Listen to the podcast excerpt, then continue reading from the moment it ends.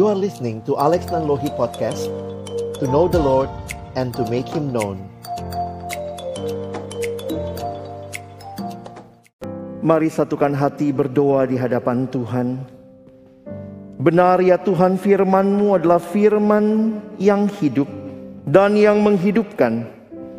Firman-Mu firman yang kudus dan yang menguduskan setiap kami. Firman-Mu firman yang tidak berubah tetapi firman yang kami percaya sanggup mengubah kehidupan kami. Itulah yang kami rindukan kembali menjadi bagian setiap kami yang hari ini datang berkumpul menyampaikan doa kami kepadamu. Dan juga sebentar kami akan membuka firman-Mu ya Tuhan. Kami mohon bukalah juga hati kami. Jadikanlah hati kami seperti tanah yang baik Supaya ketika benih firman Tuhan disampaikan, ditaburkan, boleh sungguh-sungguh berakar, bertumbuh, dan juga berbuah nyata di dalam hidup kami. Berkati hambamu yang menyampaikan semua kami yang mendengar, Tuhan tolonglah kami. Agar kami bukan hanya jadi pendengar-pendengar firman yang setia, tapi mampukan dengan kuasa, dengan pertolongan dari rohmu yang kudus, kami dimampukan menjadi pelaku-pelaku firman-Mu di dalam hidup kami.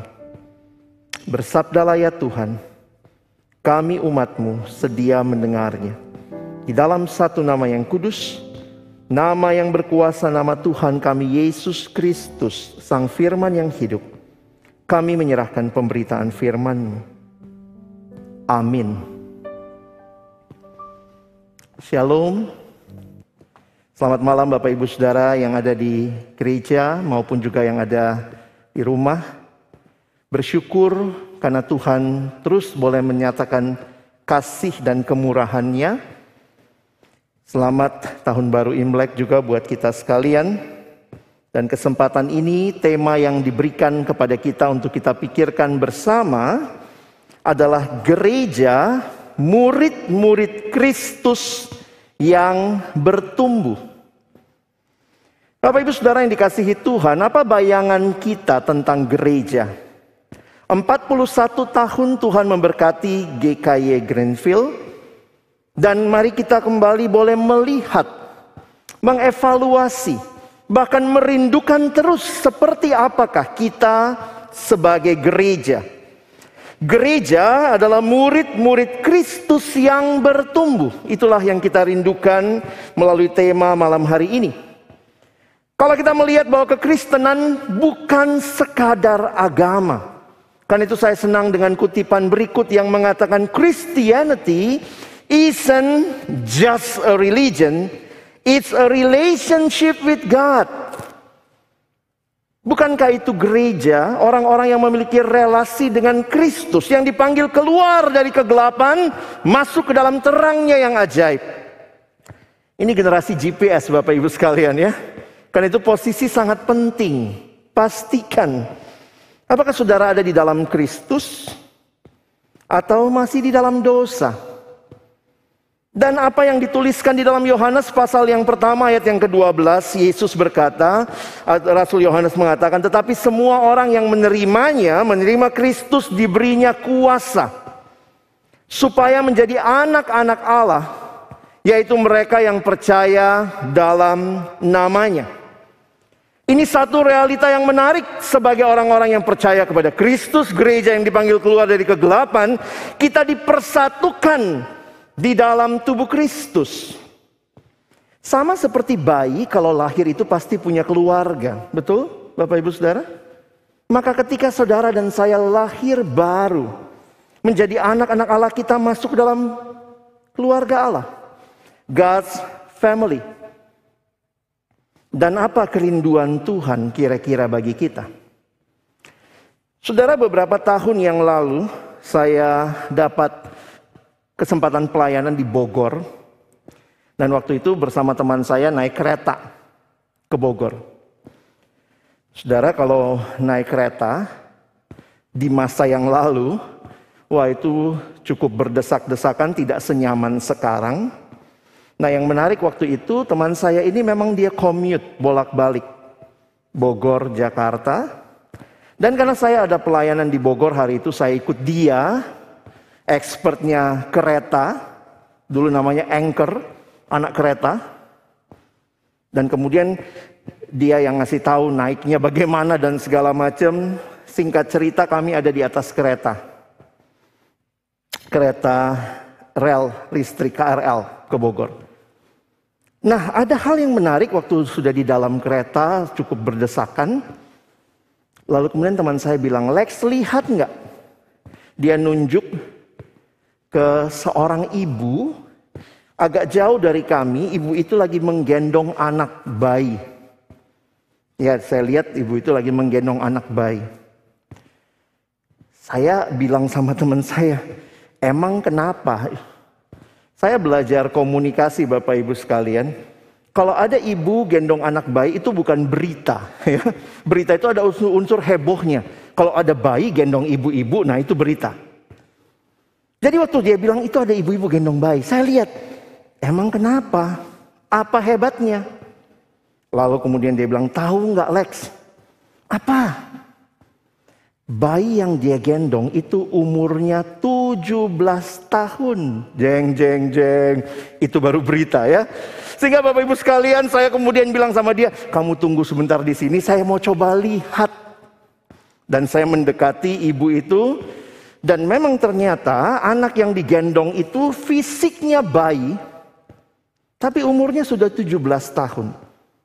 Ternyata ibu dan anak ini adalah orang yang meminta belas kasihan atau mengemis di stasiun kereta kota, tapi tinggalnya di Bogor waktu itu.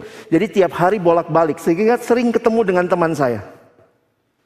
Sehingga waktu saya dengar seperti itu, saya lihat benar saudara, saya kaget gitu ya. Fisiknya masih kelihatan baik, tapi tampangnya tua dan ada kumisnya. Saudara singkat cerita, saya mau kasih tahu kepada kita begini. Mungkin kita senang lah lihat anak kecil, benar ya Bapak Ibu sekalian ya. Kalau masih anak kecil, aduh lutuna lutuna gitu ya lucu.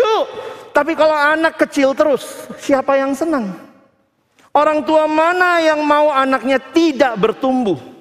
Tetap kecil. Demikian juga ketika saudara dan saya lahir dalam keluarga Allah. Allah rindu kita bertumbuh. Karena inilah kerinduan yang sangat wajar dari seorang atau orang tua yang merindukan anaknya mengalami pertumbuhan. Di dalam beberapa bagian firman Tuhan berikut, saya ingin mengajak kita melihat bagaimana rasul-rasul ini menghayati kerinduan Allah di dalam tulisan mereka. Yang pertama kita lihat Rasul Paulus di dalam Kolose pasal 2 ayat 6 sampai ayat yang ketujuh. Demikian firman Tuhan. Kamu telah menerima Kristus Yesus Tuhan kita. Terima Yesus bukan akhir hidup Kristiani, tetapi justru awal hidup orang beriman. Karena perhatikan selanjutnya. Karena itu. Nah, kalau ada kalimat dalam bacaan karena itu berarti karena yang sebelumnya. Karena kamu telah menerima Yesus Kristus, maka karena itu hendaklah hidupmu tetap di dalam Dia. Paulus sangat kaya penggambaran Bapak Ibu sekalian ya. Perhatikan. Dia katakan, hendaklah kamu berakar di dalam Dia. Ini istilah pertanian. Dan dibangun di atas Dia Para penafsir bilang ini istilah sipil. Hendaklah kamu bertambah teguh dalam iman yang telah diajarkan kepadamu. Dan hendaklah hatimu melimpah dengan syukur. Inilah kerinduan Allah yang disampaikan Paulus kepada jemaat di Kolose adalah jemaat yang baru percaya. Kerinduannya adalah terus bertumbuh. Murid yang terus bertumbuh. Dan sampai kapan hal ini saudara? Saya pikir ini satu-satunya mata kuliah, mata pelajaran yang tidak pernah ada selesainya selama kita hidup. Sehingga sebuah buku bicara tentang kedewasaan rohani mengatakan kalimat yang menarik. Siapakah orang yang dewasa secara rohani? Orang yang dewasa secara rohani adalah orang senantiasa sadar dia belum dewasa secara rohani karena itu dia harus terus bertumbuh. Pertumbuhan adalah perjalanan seumur hidup setiap murid. Karena itu Rasul Paulus dalam Filipi pasal 3 ayat 10 dan 11 berkata yang ku kehendaki ialah mengenal dia dan kuasa kebangkitannya dan persekutuan dalam penderitaannya di mana aku menjadi serupa dengan dia dalam kematiannya supaya aku akhirnya beroleh kebangkitan dari antara orang mati. Saudara, surat yang dikirim Paulus dari penjara ini, surat Filipi, adalah surat yang menyatakan kerinduannya yang dalam. Saudara, waktu saya selidiki latar belakangnya, Paulus bertobat kira-kira tahun 35 Masehi. Dan para penafsir menanggalkan surat Filipi. Surat Filipi kira-kira ditulis tahun 61 sampai 63. Jadi kalau kita hitung-hitungan, berapa tahun Paulus sudah jadi orang percaya waktu dia tulis kitab Filipi? Kalau dia bertobat tahun 35, dia tulis Filipi kita ambil aja angka yang besar, kira-kira tahun 63, maka berarti waktu Paulus tulis kitab Filipi dia sudah 28 tahun jadi orang Kristen. Jadi rasul yang cukup punya pelayanan yang signifikan. Jadi kalau kita membayangkan, saya membayangkan begini. Anggaplah ada koran lokal waktu itu. Bilang saja namanya Philippi Post. Datang wawancara sama Paulus. Rasul Paulus. Setelah 28 tahun ikut Yesus. Sudah tulis kitab banyak.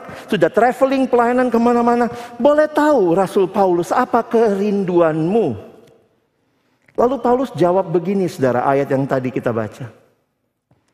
Yang ku kehendaki ialah mengenal dia. Saya kagum waktu mempelajari latar belakang ini. Ini kerinduannya kayak anak remaja pulang retret ya. Aduh, pengen kenal Yesus. Satu minggu pertama. Minggu kedua, aduh kok udah susah banget ikut Yesus. Minggu ketiga mungkin dengan satu teduh. Minggu keempat udah nggak tahu ngapain ya. Tapi kerinduan ini dimiliki Rasul Paulus yang sudah melayani sekian lama dengan kerinduan yang sangat sederhana. Yang ku kehendaki ialah mengenal dia. Dan dia tidak mengatakan dia sudah sangat kenal. Berapa tahun Bapak Ibu Saudara jadi orang Kristen? Kalau ada GKY Greenfield Post, wartawan datang dan wawancara. Sudah berapa lama jadi orang Kristen? Apa kerinduan saudara? Apakah kerinduan sesederhana ini? Tetapi begitu dalam. Menjadi kerinduan jemaat Tuhan. Gereja Tuhan. Tujuan hidup Paulus adalah untuk mengenal Allah. Seluruh aspek hidup Paulus diarahkan untuk mengenal Allah termasuk melalui pelayanannya. Paulus rindu dia semakin mengenal Allah. Inilah pertumbuhan. Bukan berhenti waktu dia punya posisi yang tinggi. Ini pengenalan yang lebih daripada sekadar pengetahuan, informasi. Ini pengenalan yang lebih dalam karena dimulai di dalam iman, relasi dengan Kristus. Ini pengenalan yang mengubahkan karena lihat tujuannya. Apa tujuan kenal Yesus? Ada transformasi. Perhatikan ayat ini. Mengenal dia dan kuasa kebangkitannya. Dan menjadi serupa dengan dia dalam kematiannya. Saudara keserupaan dengan Kristus adalah tujuan dari pertumbuhan kita. Kadang-kadang orang bingung ya, bingung dalam gereja. Apa sih ukurannya bertumbuh? Apakah karena sudah ikut semua kelas? Udah selesai bahan ini, bahan ini udah, PA kitab ini sudah, kitab itu sudah, datang kebaktian doa, ikut yang hari Minggu, ikut acara ini, acara itu. Itu semua penting. Jangan kita buang. Tetapi ingat, tujuan akhirnya adalah serupa dengan Kristus. Apakah pikiran kita, perkataan kita, perilaku kita makin menyatakan Yesus yang hidup di dalam kita? Itu yang namanya bertumbuh. Allah rindu saudara dan saya semakin serupa dengan Kristus. Tidak heran remaja-remaja di Amerika, di negara barat suka pakai gelang tulisannya apa? WWJD. What would Jesus do? Mereka mengingatkan diri bahwa ini bukan hidupku. Ini hidup Kristus yang dipinjamkan bagiku. Karena itu, apakah saya makin mirip Kristus? What would Jesus do? Apakah pikiran, perasaan, perkataan, tindakan kita telah menyatakan Yesus kepada dunia? Apakah sudah ada yang bilang di pekerjaan kita, atau mungkin di rumah kita. Mungkin bercanda, tapi itu dalam maknanya ya. Ketika seorang teman cerita, iya saya karena nggak mau bohong, jujur teman saya bilang, ih Yesus banget sih kamu. Puji Tuhan, makin mirip Yesus ya. Daripada orang begitu lihat kita, eh dasar lu anak setan, berarti makin makin mirip setan. Anak Yesus mirip seperti Kristus. Ini juga yang dikatakan Rasul Yohanes. Kalau tadi Paulus, kita lihat yang Rasul Yohanes ya.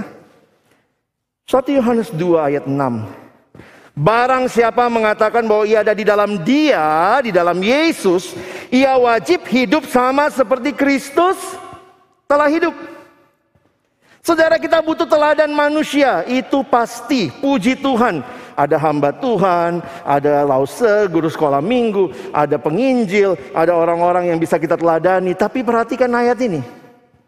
Kita tidak hanya sekadar diminta ikut pendeta, ikut majelis, ikut penginjil, tapi ikut Yesus.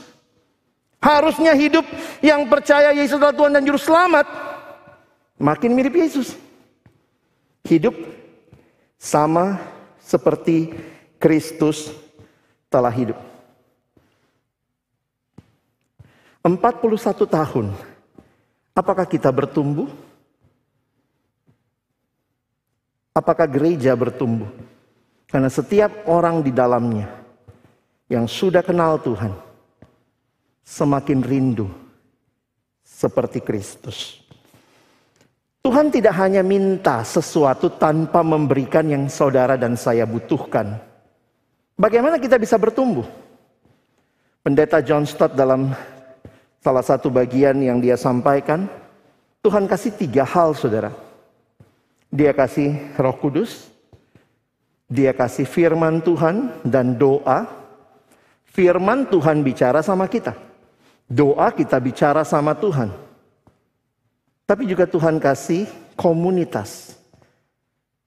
Bukan hanya dengan Tuhan yang vertikal, tapi yang horizontal dengan komunitas umat Tuhan. Sehingga bagaimana saudara bertumbuh? Mari disiplin Saudara beda ya. Kekristenan menggunakan istilah disiplin rohani ketimbang kewajiban. Karena kewajiban itu polanya punish and reward. Tetapi kekristenan bicara disiplin karena saudara dan saya sadar itu dari dalam keluar. Kewajiban dari luar ke dalam, dipaksa. Mungkin awal-awalnya kadang harus dipaksa ya, kayak anak kecil ya. Anak kecil kadang harus dipaksa makan, tapi kalau udah umur 21 tahun masih dipaksa makan. Harus disiplin makan. Jadi mesti bisa bedakan. Awalnya mungkin kita bertumbuh di dalam kewajiban. Tetapi kiranya lama-lama kita menjadi hal yang disiplin. Baca Alkitab itu bukan cuma kewajiban.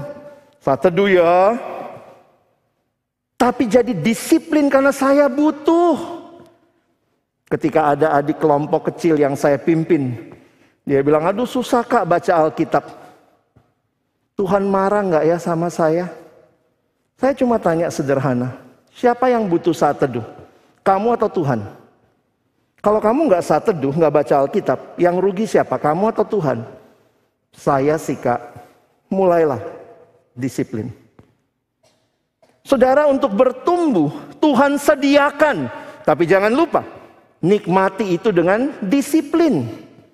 Karena itu disiplin rohani itu mentransformasi hidup kita.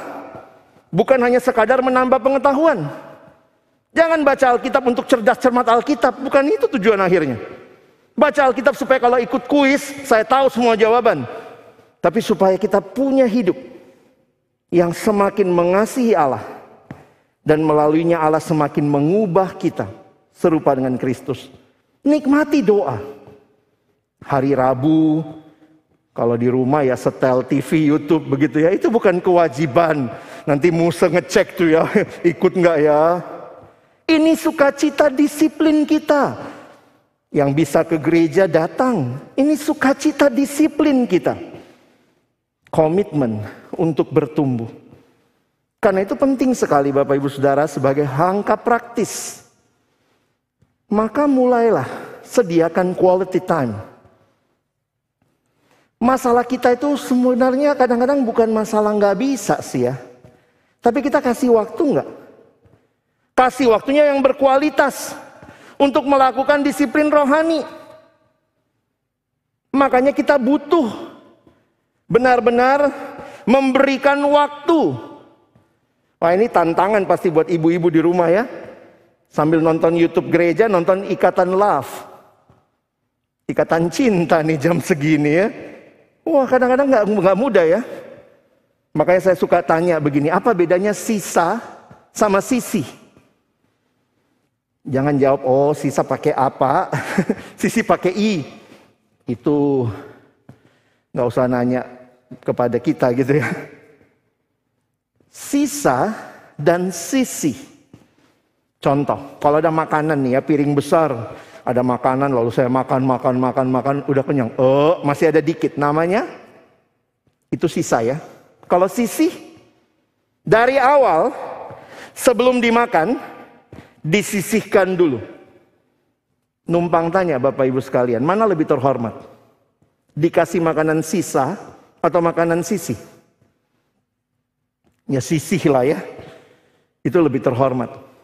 Sekarang kita pikir sebentar waktu yang kita kasih buat Tuhan setiap hari itu waktu sisa atau sisih? Jawab sama Tuhan aja ya. Saya tanya sama anak remaja, wow mereka jujur. Anak remaja itu jawabnya jujur ya. Itu waktu sisa apa sisi? Sisa sih. Benar juga. Apakah kita baca Alkitab, kita sisihkan waktu? Kita sisihkan waktu, matikan semua yang lain. Ini lagi kebaktian doa. Kita sisihkan waktu. Karena kita tahu ini penting. Untuk hal yang penting orang rela sisihkan waktu, tenaga, uang. Kadang-kadang kalau orang tidak rela sisihkan waktu untuk ibadah, bagi saya berarti buat dia ibadah tidak penting. Buka toko, buka toko, jam 8 harus buka. Kalau di mall jam 10 harus buka. Buka jam segitu nggak? Iya iya buka harus penting ini penting. Jam segitu harus buka. Saat teduh penting nggak? Kadang-kadang kita gini, ya kalau nggak sempat pagi ya bisa malam. Itu bukan menyisihkan waktu, takutnya hanya menyisakan. Jadi jangan salahkan Tuhan kalau kita nggak bertumbuh. Karena Tuhan sudah berikan semua yang saudara dan saya butuhkan. Responilah dengan disiplin. Karena itu mungkin kita perlu urutkan lagi prioritas kita.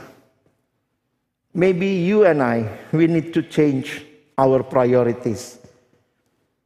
Seringkali untuk mengubah hidup, coba ubah prioritas kita.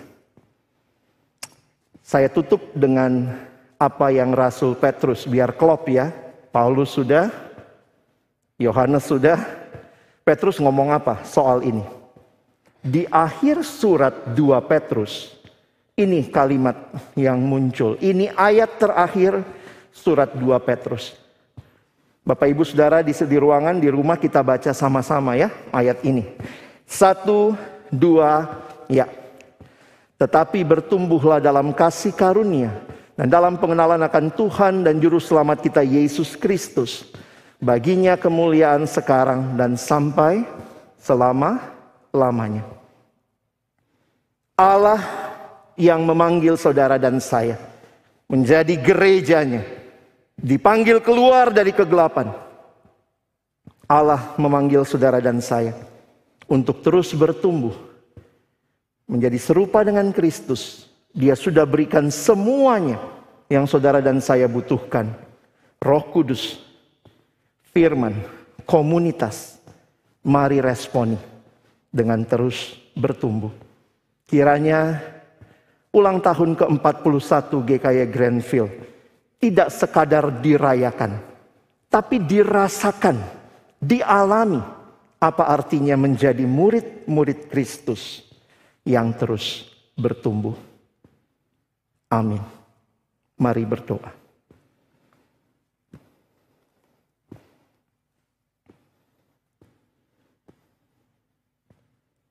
Tuhan terima kasih banyak buat firman-Mu. Terima kasih buat setiap hati yang terbuka di hadapan Tuhan.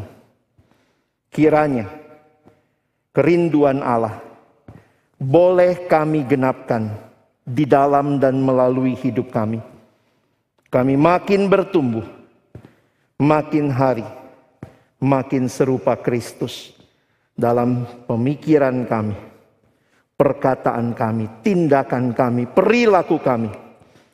Biarlah boleh menyatakan Yesus yang hidup di dalam diri kami sehingga ketika kami bertumbuh sebagai jemaat yang menikmati Tuhan memberkati kami, kami pun boleh keluar dan menjadi berkat di tengah dunia di mana Tuhan menempatkan kami. Terima kasih untuk 41 tahun perjalanan GKY Grandfield. Kerinduan kami, biarlah kami terus bertumbuh sampai kami berjumpa dengan Kristus. Kami bersyukur Berterima kasih dalam nama Yesus kami sudah berdoa. Amin.